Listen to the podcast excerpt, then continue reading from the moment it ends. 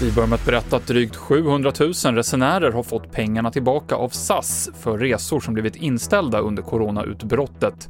Och det är fortfarande flera tusen som väntar på att få sitt ärende behandlat. Det här säger SAS till SVT. Norwegian uppger att man betalat ut över 3,5 miljard kronor till resenärer. Det går att minska risken för hjärt-kärlsjukdomar hos äldre avsevärt. Forskare vid Umeå universitet har studerat över 5 000 70-åringar och sett att risken minskade med 20% med hjälp av kost, motion och rätt medicinering. Det som är unikt med studien är ju att vi har så att säga tittat på många olika riskfaktorer och vi tycker oss kunna visa effekter på sjuklighet för första gången hos de över 65 år. Motivationen att förändra sin livsstil är också högre än om man är 40 eller 50 då man tror man är odödlig. Det sa professor Peter Nordström.